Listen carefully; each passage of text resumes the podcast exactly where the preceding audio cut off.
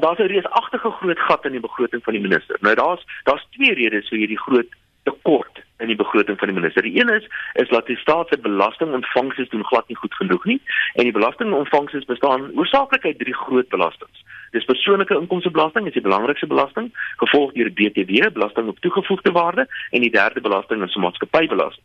Nou hierdie drie belastings reageer verskillend afhangende van hoe die ekonomie op daardie stadium presteer. Nou ons weet reeds dat die maatskappybelasting doen vir 'n klomp jare al reeds swak. En maatskappybelasting is 'n uitstekende belasting wat onderliggende ekonomiese groei reflekteer. Die ander belastings soos BTW en persoonlike inkomstebelasting het relatief goed gedoen tot onlangs toe en dit is onder andere as gevolg van die groot aantal staatsamptenare wat ons in diens geneem het en hulle betaal ook belasting. Maar ons het ook nie einde van daardie paadjie be bereik. En die rede hoekom belastingontvangse so swak doen, is eenvoudig omdat die ekonomie swak presteer en ook omdat ons al minder mense in diens neem en dat die belastingbetaler net eenvoudig met hierdie swak ekonomie nie meer soveel belasting kan betaal nie. Eintlik is ons belastingmoraliteit in Suid-Afrika relatief goed, maar die rede vir die swak belastingbetalings het te doen met 'n swak ekonomie.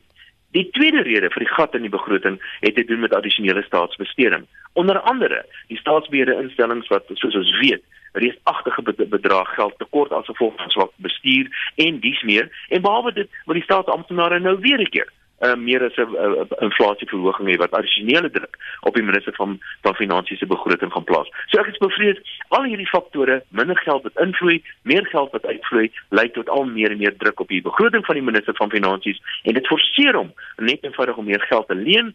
Dit druk weer die staat se skuldvlakke verder op en uiteindelik gaan dit lei tot verdere afgraderings. So ek is bevrees. Onder sulke omstandighede het jy baie sterk politieke leierskap nodig, iets wat ons sekerlik nie tans het nie.